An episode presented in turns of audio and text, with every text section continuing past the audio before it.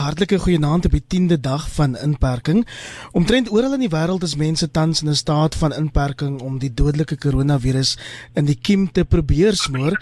Suid-Afrika se eerste 10 dae was uiteraard nie net maanskin en rose nie en ons fokus vanaand op van die brandpunte in die verband. Later in die program praat ons ook oor die nalatenskap van generaal Constant Viljoen en die baanbreker joernalis Konrad Sedego wat albei van dese week oorlede is. My gaste weer almal telefonies in inperking is professor Amanda Gous van die Universiteit Stellenbosch. Nancy Amanda. Goeienaand, Iwer en goeienaand aan die luisteraars. En dan sê in Pretoria goeienaand aan professor Dirk Coetzee van Unisa. Hallo Dirk. Goeienaand ja, Iwer, baie dankie. En ook lekker om weer met jou te praat. Christo van der Rede is Agri SA se adjunk uitvoerende direkteur en 'n onafhanklike kommentator. Nancy Christo. Goeienaand Iwer en goeienaand aan al die luisteraars en ook aan die medegaste. Kollegas, daar lê nog minstens 11 dae voor in ons Grendelstaat. Maar is hopeloos te vroeg om oor optimisties te wees want die regering sê vir ons baie duidelik dat ons eintlik eers oor 'n week of wat regtig sal weet of ons as 'n nasie COVID-19 begin vasvat het. Amanda gaan jou vra om die gesprek in te lei sommer 'n paar algemene opmerkings oor wat ons die week beleef het Ek sien die BBC het berig dat Suid-Afrika die COVID-19 stryd hulle woorde op 'n genadeloos doeltreffende wyse aanpak. Stem jy saam? Ja, ek dink as as ons kyk na, jy weet wat in ander lande in die wêreld gebeur en spesifiek die FSA wat wat nou die ehm um, basies die episenter is van van die uitbraak. Ehm um, dan sien ons dat indien lande nie ehm um, 'n lockdown het of uh, weet die Afrikaanse woord te sekere toesluit het. Ehm um, dan is daai ehm um, piek van die van die uh diagram uh, wat wat mens kan sien is baie hoër as wanneer daar 'n lockdown is. En ek dink dat die FSA uh, in in die persoon van president Trump die die situasie in die FSA baie swak hanteer het hy hy dink nie dis nodig vir 'n lockdown nie en ons sien byvoorbeeld nou dat ehm um, New York het 122000 uh, gevalle en hulle het reeds oor die 4000 sterftes. Nou dit is amper net soveel as Italië en en dit is net een staat van die VSA. Die VSA in geheel het nou oor die 300 000 gevalle. So ek dink die feit dat dat eh uh, president Cyril Ramaphosa en die kabinet besluit het dat ons vroeg in lockdown ingaan en dat ons ehm um, probeer om daai piek eh uh, laer te maak eh uh, is, is iets wat wat baie belangrik is. Die vraag is of ons almal eh uh, hou by die reëls. En ongelukkig is dit so dat ek dink in digbevolkte uh, of digbewoonde gebiede waar mense in baie klein eenhede woon, uh dit nie so goed gaan nie. Mense is op die straat. Um en mense het ook nie yskaste nie. Wat beteken hulle moet gereeld uitgaan om te gaan kos koop. Um en ek dink jy weet dit is dit daar um dink ek behoort die kommer te wees dat as die virus daar 'n uh, vat kry plek kry Um, dan gaan ons baie sterk te sien. Ons het op die oomblik nog net 9 sterftes gesien. In in 'n 10 dae, wel bietjie meer as 10 dae as nou die week voor die lockdown vat gesien wat eintlik baie laag is. Maar ek dink nie dit is vir ons rede om terug te sit en te sê dit werk nie. Ek dink ons moet werklik bekommerd wees oor mense wat die reëls breek. Mense het nie yskaste nie, mense het ook nie water nie. Ons het hierdie week gesien hoe die regering skielik ehm um, vir baie dorpe begin water aanry. Dirk, van die kenners reken dat inperkingsmaatreëls moontlik met tussen 2 en 4 maande verleng kan word. Het ek vanoggend op rapport se voorblad met 'n skok gesien. Nou dis nie 'n geheim dat Suid-Afrika dit nie kan bekostig nie, maar wat sou dan die alternatiewe wees? Want ek ervaar dit nogal as 'n keuse tussen lewe en dood. Ja, dit ek dink dit is 'n baie groot onduidelikheid vir vriend almal in die in die regering wat uiteindelik natuurlik die besluit gaan moet neem. Ehm um, is waarskynlik beter ingelig as ons. Ehm um, in die sin dat hulle meer statistieke het dat hulle en mense om hulle wat besig is om modelle te bou. Um, en ek dink wat wat besprake is is waarskynlik nie dat dit so lank gaan wees uiteindelik nie. Die die ek dink die die groot onsekerheid vir Suid-Afrika is hoe lank gaan dit gebeur in lande buite ons bereik, uh, soos byvoorbeeld in die VS, soos in Europa in die algemeen, want wat ons nou sien in in in, in China byvoorbeeld is is dat in 'n groot mate het al die binnelandse situasie gestabiliseer en begin dit amper te normaliseer. Maar nou is die is die groot uh uitdaging vir hulle is hoe mense wat van buite af kom of Chinese wat terugkom uh, na China toe om te voel dat hulle met 'n tweede golf van infeksies kom. So dit dit dink ek gaan uiteindelik die, die groot probleem vir Suid-Afrika wees is hoe om die die eksterne faktore ook te kan bestuur. Maar die binnelandse faktore, ek dink wat wat belangrik is is dat in die volgende week, hierdie komende week, kan blykbaar 'n deurslaggewende week wees om te sien hoeveel van infeksies daar uiteindelik gaan begin plaasvind. Um, en tot watter mate dit 'n druk op veral die openbare sektor, die gesondheidssektor gaan plaas. So dit ver is 'n groot deel van die van die druk is deur die private sektor gehanteer, maar nog nie werklik deur die openbare sektor nie. Veral die toetsing sowel as die die kritieke gevalle wat hoofsaaklik in die open en die private sektor gewees. Dirk, ek gaan jou nou nou weer vra om net so effens harder te praat. Telefoonlyn is maar altyd 'n probleem. Uh, maar ons probeer dit aan hierdie kant manipuleer. Christo, jy is as dit ware in die COVID-19 engine kamer deur landbou se daaglikse gesprekke met die regering. Slaap jy rustig oor hoe die pandemie tans hanteer word? Maar ek is baie trots op uh, dit wat die regering tot dusver vermag het. Maar dan nou hierdie virus is 'n virus wat saam met mense beweeg. En ek dink die regering het baie goed gedoen om ehm uh, jy weet mense uh, te verbied om uh jy weet hulle huis te verlaat uh net in geval van noodsaaklikhede kan hulle dit doen. Ehm um, en ek dink ons het redelik goed gedoen in terme van die uh jy weet om hierdie om die mense te identifiseer wat hierdie siekte onderlede het. Ongelukkig is daar nie 'n teenmiddel nie. En die enigste manier hoe om hierdie siekte te bekamp is om die mense wat hierdie siekte dra om hulle te identifiseer, hulle te isoleer en dan ook diegene wat in kontak met hulle was uh, te toets en dan ook dieselfde stappe in daardie geval te doen. Diegene wat siek word, moet onmiddellik onder kwarantyne geplaas word en ek dink die regering is redelik uh goed daarmee. Ehm um, ek vermoed ons het iemand daar verloor. Is dit jy ehm um, Amanda? Ek is nog hier. Ek is nog okay. hier. Goed, ons het dan vir vir Dirk verloor. Ehm um, ons gaan vir Dirk nou nou weer op die lyn probeer kry. Ehm um, Amanda as ehm um, Christo dan nou sê dat weet selfisolasie is is is die enigste manier om om hierdie virus in die kiem te smoor. Is ons nie dan op die oomblik besig om te veel toegewings te maak nie? Spesifiek minister Fikile Mbalula wat die week 'n vernederende heen en weer met die taxi bedryf gehad het of was dit miskien 'n tweesnydende swaard want soveel van ons noodsaaklike werkers is tog van openbare vervoer afhanklik. Ja, ek dink dit is 'n baie moeilike situasie. Uh in die sin van dit is dit is presies waaroor dit gaan, die feit dat mense afhanklik is van openbare vervoer. Nou, ek dink die 70% kapasiteit was belangrik. Dit beteken dat as 'n byvoorbeeld as 'n taxi 10 mense kan oplaai, dan kan hulle uh net 7 mense oplaai en die mense is veronderstel om ver van mekaar af te sit. Nou is daar teruggekrabbel en gesê goed, hulle kan 100% oplaai, maar almal moet maskers dra. Nou ons weet daar is 'n tekort aan maskers um, in, in die hele wêreld, maar ook in Suid-Afrika.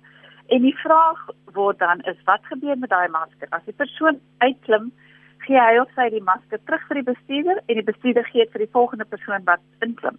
Dit is dit sal fataal wees want dit is juist die rede as jy 'n masker dra dan alles wat jy nie so hoes sit aan daai masker vas.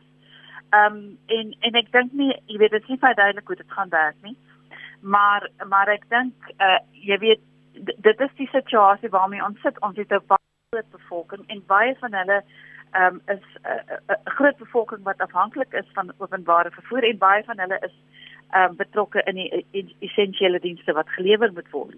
Ehm um, aan die ander kant weet ek nie jy weet of of die ehm um, of minister uh, Mbalula uh, sterk genoeg gestaan het om te sê kyk dit is werklik 'n uh, 'n uh, kwessie van lewe of dood dit is 70% of dis glad nie. Dirk, um, hoe sien jy dit? Welkom terug. Dankie. Ja, ehm um, die die situasie as dit kom by die die taksies is is hoogs dink ek ehm um, problematies. Uh omdat dit so 'n groot deel van die bevolking se enigste vorm van vervoer is. Uh baie mense wat deel van die belangrike diensleweraars is, um byvoorbeeld gesondheidswerkers en ander, hulle is uiteindelik afhanklik daarvoor. Um en of daarvan. En ek, ek dink wat wat die probleem is is dat die die regering op hierdie stadium nie genoeg van hou vas op die taxi in uh, industrie of die sektor het om werklik hulle besluite kan afdwing nie. En wat wat ons gesien wat gebeur het is dat die verskillende provinsies se uh, ta taxi bestuure het uiteindelik soort van uh, met die geweer teen die kop teen uh, minister Balula gekom. Um, en die gevolg is, is dat hy begin toe, toegewings maak Nou enige bestuurder wat begin toegewings maak uh, onder druk is gewoonlik nie baie effektief uiteindelik nie. En ek dink dis waar hy op die oomblik staan is is dat hy is nou op die agtervoet en as gevolg daarvan is dit baie moeilik vir hom om werklik sy gesag nou weer te kan laat geld in hierdie situasie. Ehm um, ek dink dit gaan een van die groot kwessies vorentoe word is die is die die situasie van die taksies en tot watter mate dit 'n brandpunt gaan word in die moontlike verspreiding van die virus. Christo, dis nie net die taxi bedryf wat in Dirk se woorde daai geweer teen die regering se kop gehou het nie. Ehm um, ons het ook die week gesien dat van die vakbonde begin grom, wel dinge kan nou moontlik verander nou dat Zwelin Zimbabwe byvoorbeeld ook positief is ge, getoets is vir COVID-19. Ehm um, dink jy die regering was ehm um, te slap eintlik met met die taxi bedryf? Ek dink uh dit is 'n wesenlike probleem iwer want uh soos ek voorheen gesê het, hierdie uh virus beweeg saam met mense en mense dra dit oor na ander mense toe. En in hoe mate hierdie verslapping van die uh reëls vir die taxi bedryf uh gaan nie help uh, om hierdie virus verder te sprei, dit weet ons nog nie. Maar ek dink uh regering sal werklik waar ernstig moet besin en ek dink hulle uh, jy weet hulle het 'n toegewing gemaak onder druk, maar ek dink nie ons moet die regering uh jy weet uh wantrou met dit nie want ek dink hulle gaan uh weer ernstige stappe uh hulle sou nie bang om dit te neem nie. Hulle gaan dit neem indien hierdie virus verder gaan sprei. Veral in ons arm woonbuurte. Die ander uh, kwessie wat ek net wil aanraak is uh, dit is my onverklaarbaar hoe dit moontlik is dat verpleegsters en dokters nie genoegsame uh uh jy weet maskers in hospitale het of handskoene of beskermende klere dra nie. Hoe is dit moontlik dat ons publieke gesondheidssektor tot op so 'n vlak geval het dat ons nie eens in daai basiese behoeftes kan voorsien nie? En ek meen daarmee is ek eens met die vakbond. Uh ek sou nie as ek 'n dokter moet wees of 'n verpleegster moet wees, wil ek nie in my lewe wag in 'n publieke hospitaal waar ek geestes beskerm gaan word nie. Ons sien dit byvoorbeeld in Italië. Ja, ek dink is ongeveer 60 dokters wat op hierdie stadium aan die virus beswyk het. Uh en ons sit met 'n groot krisis dwars oor die wêreld. Gesondheidswerkers wat in die voorste linie veg teen hierdie virus, is die meeste blootgestel. So ek dink in daai verband het die regering werklik waar 'n uh, baie baie groot verantwoordelikheid om toe te sien dat hierdie mense behoorlik beskerm word. En ek dink die unies moet hulle druk en moet hulle hof toe neem om seker te maak dat die regering wel aan daai behoeftes voorsien. Dit is onverskoonbaar dat 'n hospitaal nie eens oor die basiese uh, beskermings uh, jy weet uh, items beskik of klere dra beskik om jou dokters en verpleegsters en algemene werkers te beskerm nie. Amanda ek stem um, in effek met met Christo saam, maar ons moet daarom ook vir mekaar sê dat daar wêreldwyd op die oomblik 'n tekort is aan maskers wat my net ontstel van hierdie hele debat. Um, en hoekom ek met Christo saamstem is dit baie van ons medisyne nou vir ons sê, hoorie ons het in elk geval jare lank maskers gehad en van die toerusting wat wat nodig is Amanda. Ja, um, ek meen dit is werklik al jare wat wat van die openbare hospitale veral in die landelike gebiede sê hulle het hulle het nie die basiese ehm um, voorraad nie en hulle het ook byvoorbeeld nie ehm um, antibiotika nie. Nou die antibiotika help nie vir die virus nie, maar dit is net 'n punt wat ek probeer maak oor hoe onder ehm um, bebron hierdie ehm um, hospitale is in die sin dat hulle het nie die nodige bronne nie en hulle is toegelaat om uh om te verval tot op 'n punt wat ek dink die dit dit sal soveel geld kos om die hele situasie om te draai. En nou sit jy met 'n situasie waar waar ehm um, daar moet onmiddellik opgetree word. Ons kan nie wag nie. Jy kan nie vir 'n persoon wat inkom met sê ek is siek met 'n uh, COVID-19 virus nie, sê wag tot ons hierdie probleme uitgesorteer het nie. Dit is 'n kwessie van lewe en dood en ek dink dit is 'n absolute skande dat die die uh, openbare hospitale in hierdie toestand is. So goed Dirk, 'n DA skare minister, Dean McPherson het die naweek um, heelwat kritiek uitgelok met sy Twitter-stelling dat die land hopeloos te veel mense het wat gemaklik is met 'n uh, autoritaire staat, 'n staat sê hy wat vir mense voorsê wat hulle kan koop, wat hulle nie kan koop nie, waar hulle kan beweeg, nie kan beweeg nie. Laat die liberale teorie of die beginsels enigstens ruimte vir inperkings soos wat ons tans beleef. Ja, uiteindelik dit te doen. Ehm um, en ek dink dis miskien waar die mense en en en ek waarom eerstens moet ek sê ek dink dis 'n punt waar die DA nou meer en meer prominent begin beklemtoon. Ehm um, is dat en ek dink dis wat hulle sien as die rol wat hulle moet speel is om spesifiek hierop te fokus, die die so die inperkings van die algemene menseregte deur hierdie nasionale dramptoestand. Ehm um, wat wat ons grondwet op voorsiening voormaak in, in artikel 36 om mee te begin is dat om enige van die hoofstuk 2 inste uh, regte en dit is die menseregte die verskillende tipes van menseregte dat dit kan beperk word maar die kwalifikasie is dit kan beperk word tot die mate wat dit in 'n oop en demokratiese samelewing uh, aanvaarbaar is Nou ook in die grondwet word daar voorsiening gemaak vir 'n noodtoestand. Nou ek dink die die probleem wat ons op die oomblik het is is dat die die ramptoestand wat uh, eintlik op 'n laer vlak as 'n nood uh, nasionale noodtoestand is word nie werklik beskryf in die grondwet nie. Ehm um, dit is gebaseer op gewone wetgewing. So daardie wetgewing kan selfs as dit as daar mense is wat dit wil doen, kan dit selfs na die grondwetlike hof toe vat om dit te laat toets in terme van die grondwet. Maar die byvoorbeeld in 'n noodtoestand wat konstitusioneel is wat redelik uitvoerig in die grondwet beskryf word in hoofstuk 2. 'n maak voorsiening vir dat onder sekere omstandighede die die individuele regte of selfs groepsregte van Suid-Afrikaners beperk kan word want dit is uitsonderlike uitsonderlike omstandighede. In die geval van die noodtoestand moet die die parlement dit goedkeur en moet dit na tyd, ek dink is 21 dae moet dit hersien word deur die parlement. So in in in beginsel is daar nie noodwendige probleem daarmee nie. In in die sin van as dit deur hierdie konstitusionele prosesse gegaan het nie, maar dink wat daar meer van 'n probleem kan wees is is by die toepassing daarvan. En wat ons veral in die eerste paar dae gesien het, is soms redelik hardhandige optrede van die weermag en van die polisie wat in die tussentyd, soos ek verstaan, um, van die berigte begin meer verbeter het of dat daar 'n verfyning van die van die van die toepassing daarvan begin plaasvind het. So ek verstaan dat die DA vir hulle self 'n ruimte moet skep in hierdie huidige situasie um, om hulle eie stempel te probeer probeer afdruk want hy het as jy mense bietjie nou wegbeweeg van die bespreking spesifiek van die regering en sy hantering van hierdie epidemie is is dat vir die oppositiepartye gaan dit oor tyd 'n groot kopseer wees. Want hulle het nie werklik 'n ruimte om hulle eie identiteit en stempel te kan af, afdruk op hierdie situasie nie omdat dit so gesentraliseer is in die hande van die van die president en van die ministerie van van gesondheid. En ek dink dis dis in 'n groot mate wat waarskynlik agter hierdie debat wat wat die DA probeer aan die gang kry wat wat agter dit lê Amanda, hoe sien jy dit? Ek moet vir jou sê ek het vriende in ander dele van die wêreld soos die meeste mense.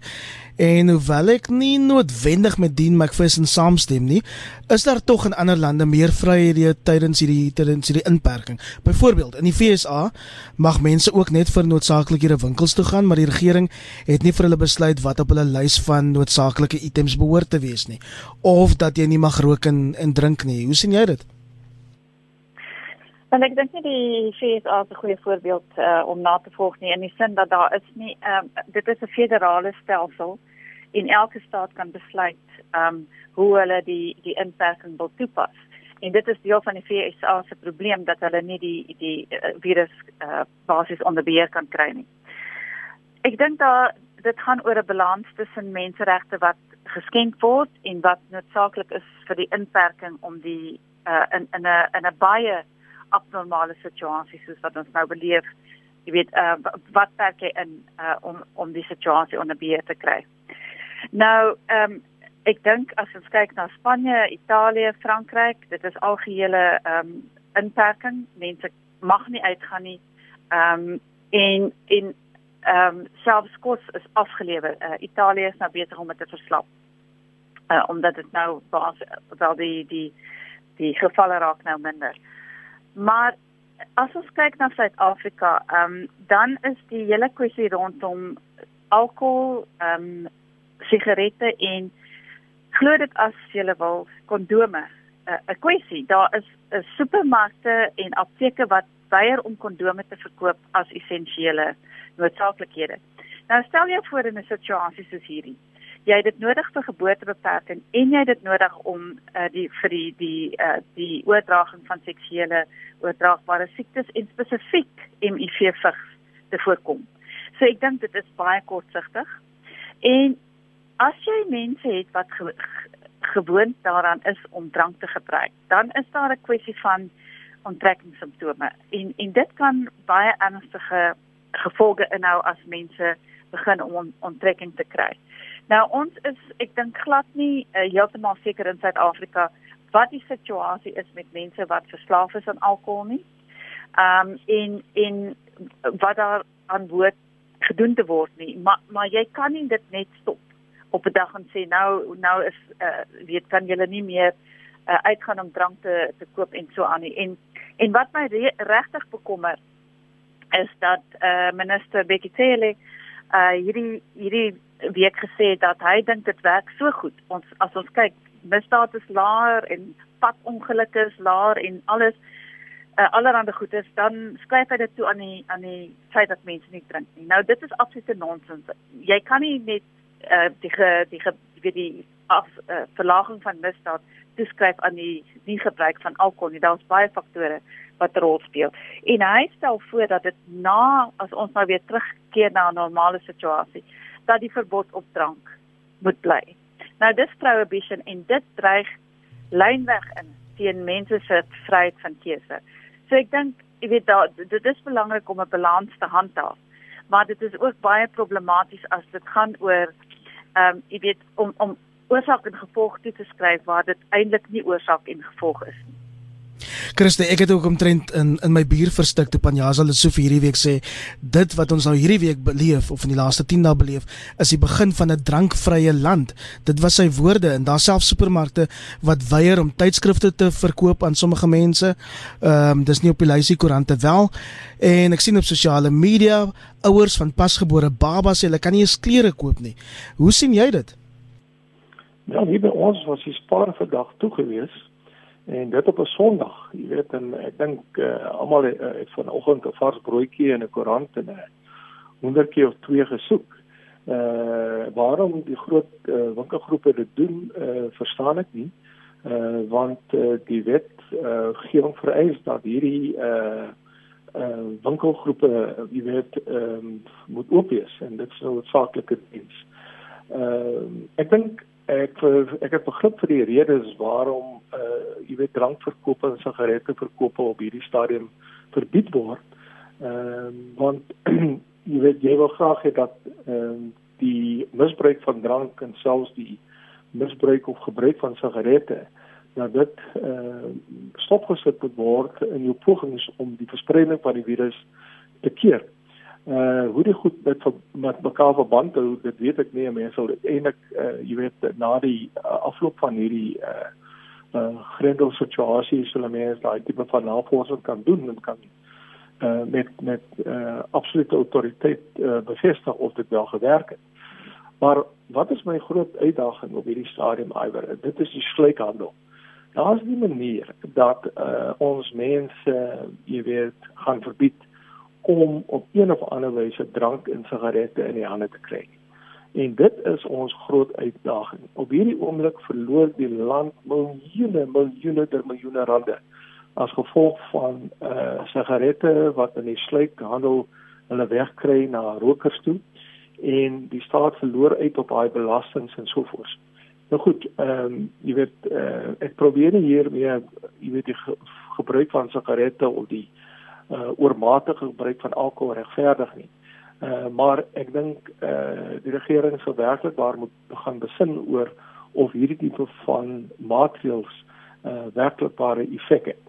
Uh, maar ek dink onder die omstandighede uh dink ek uh, moet daar absolute samewerking wees tussen almal om die verspreiding van die virus te keer. Ek kan dit nie genoeg beklemtoon nie. Ek het self vanoggend gekyk na dienste uh uh boodskappe op op Twitter en ek het myself gevra, jy weet, uh waarom uh, sal jy nou hierdie tipe van standpunt huldig? Die mense hou dit in jou agterkop, maar het al die politieke partye dan nie saam met die president van die land 2 weke gelede uh jy weet 'n onderneming gegee dat hulle gaan saamwerk om hierdie virus te keer nie. Uh en dit dui op 'n absolute gebrek aan dissipline in die party want ek dink wat elke politieke party nou moet doen is om mense op te voed, om mense uh te aan te moedig om die reëls uh, toe te pas en om almal saam te werk om nie die virus verder te sprei nie, maar meer nog politieke partye moet ook die ekonomiese situasie en die sosio-maatskaplike situasie land dophou en moet oplossings na vore kom. My groot probleem is dat uh miljoene en miljoene mense wat in die informele sektor werksaam is, het nie inkomste nie. So waar is die uh kospakkies wat verskaf moet word aan gemeenskappe? En as elke gemeenskap toegang het tot uh gratis voedsel op hierdie stadium En ek praat hier van nie bederfbare produkte soos meel, soos suiker en al die nodige goed wat jy uh, nodig het om 'n huishouding uh jy weet nie te laat honger lê nie. Uh dat ons daai goeders uh jy weet na gemeenskappe toe neem. Ons sit met 'n uh, fonds op hierdie stadium. Ek weet nie uh, hoe die fonds aangewend word uh, tot op hede nie, maar ek dink dit is absoluut belangrik dat die regering saam met die private sektor jou landboubesighede, jou uh, klein sake uh sektor moet werk om seker te maak dat ons kos by mense se huise uitkry. En dit sal ook die beweging van mense beperk.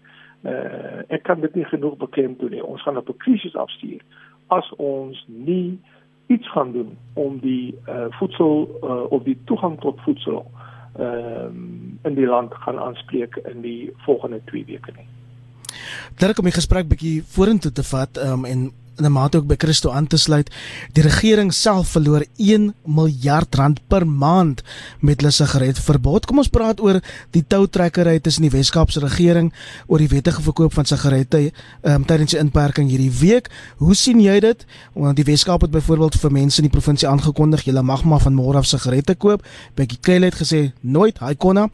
Ehm um, behoort provinsiale regerings die regte hê om hulle eie regulasies te kan afvaardig, Dirk?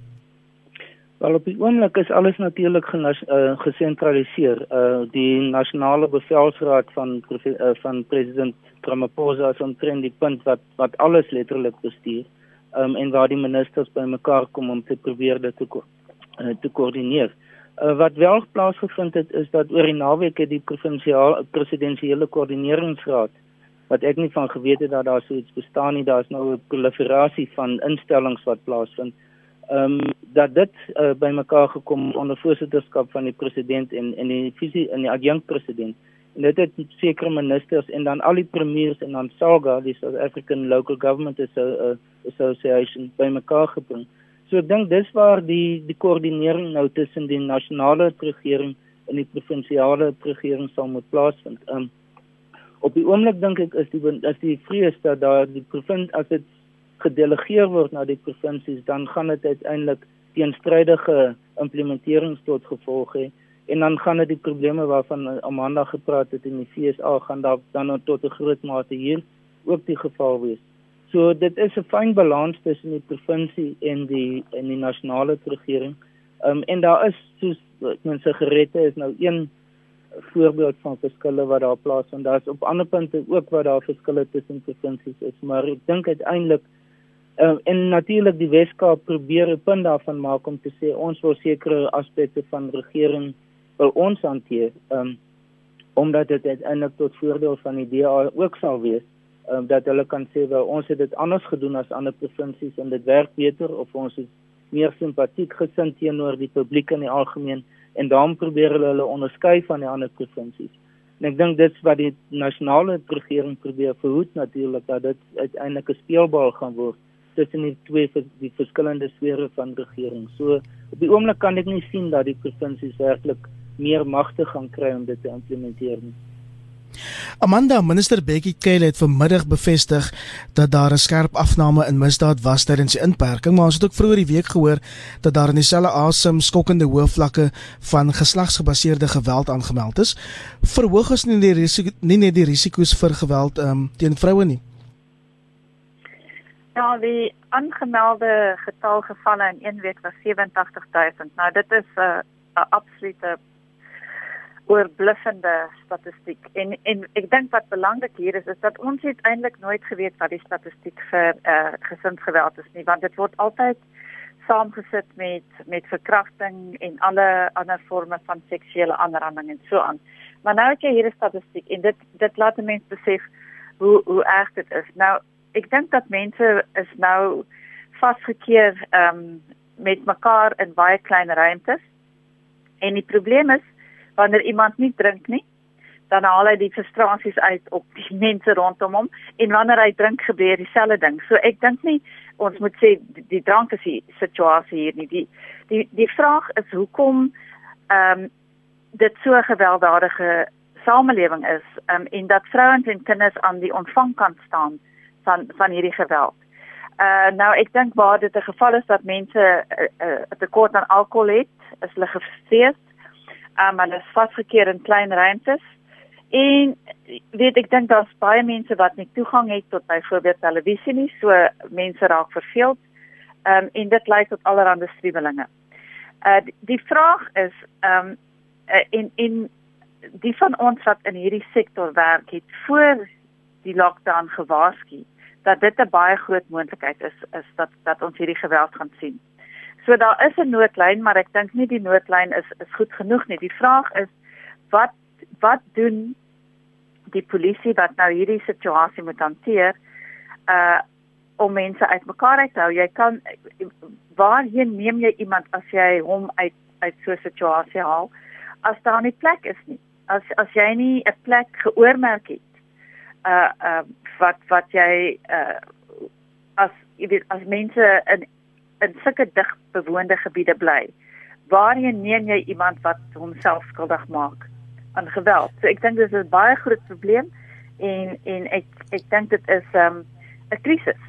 Want die mense wat aan die ontvangkant staan, uh, die die kans is goed dat hulle doodgemaak kan word. So of jy gaan dood as gevolg van gesinsgeweld of jy gaan dood as gevolg van die virus. Die een ding wat hierdie virus definitief vir ons uitwys is al die foutlyne uh, in ons land uh, op allerlei vlakke. Christo, ons moet terwyl van die tyd begin praat oor die um, afgradering van Fitch hierdie week. Dit na Moody's ons 'n week gelede ook tot rommelstatus afgegradeer het.